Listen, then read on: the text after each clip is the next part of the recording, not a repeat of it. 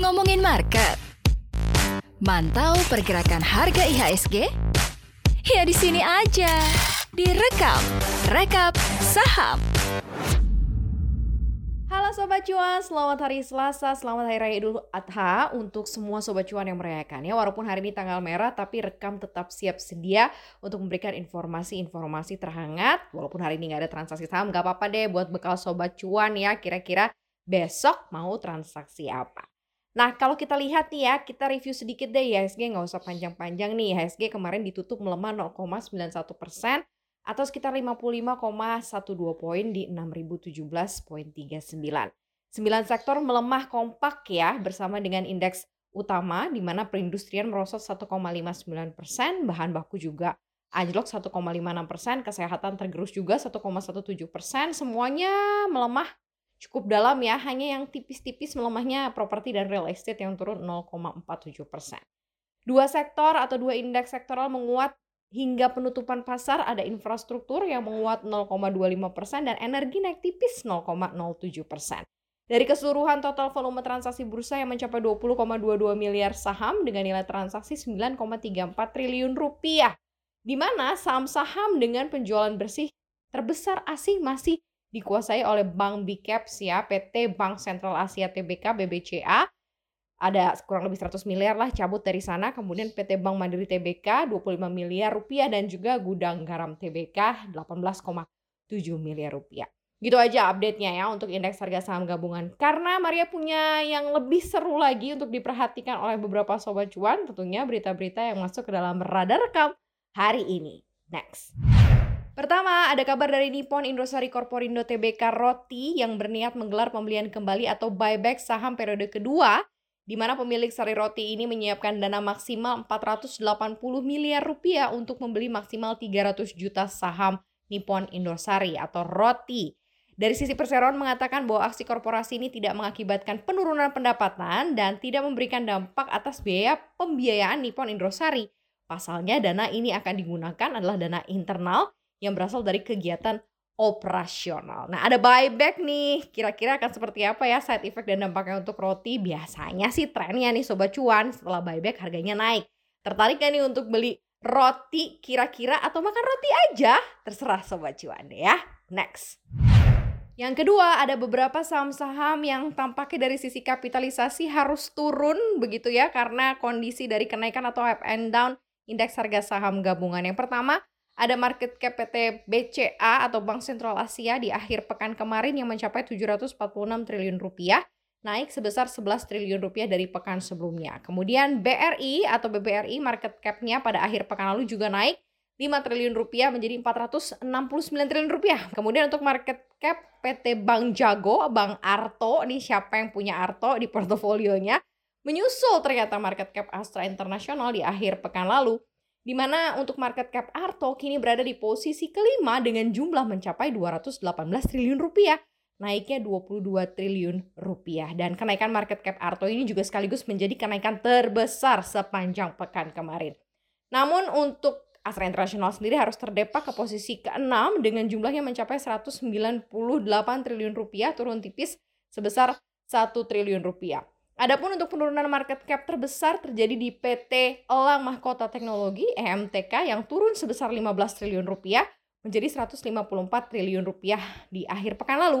Dan kapitalisasi pasar atau market cap adalah kalau kita lihat nilai pasar dari sebuah emiten, perkalian antara harga saham dengan jumlah saham beredar di pasar, semakin besar nilai market cap-nya, makanya itu emiten ini kan cukup berpengaruh untuk pergerakan indeks harga saham gabungan secara keseluruhan. Keren ya mixnya, beberapa sih masih pemain lama, tapi ada pemain baru juga yang pakai cukup menggeser posisi dari saham-saham yang kapitalisasinya besar. Tertarik punya salah satunya? Balikin lagi ke Sobat Cuan. Next.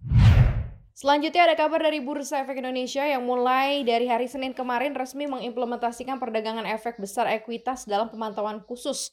Nantinya emiten yang masuk daftar pemantauan khusus akan mendapat notasi X. Direktur Pengembangan Bursa Efek Indonesia Hasan Fauzi mengatakan bahwa hal ini dilakukan sebagai upaya bursa untuk mengingatkan kembali perlindungan bagi investor di pasar modal tanah air, mengingat adanya transparansi terutama mengenai kondisi fundamental emiten serta mengetahui juga likuiditas selain menjaga agar perdagangan efek dapat dilakukan secara teratur, wajar, dan juga efisien. Nah, sebelumnya dalam penerapan pra-implementasi ini, Bursa juga sudah melakukan pengujian akhir pre-live yang disampaikan dalam pengumuman yang ada dalam surat edaran ya di nomor peng garis 0203 garing BI POP garing 07 2021.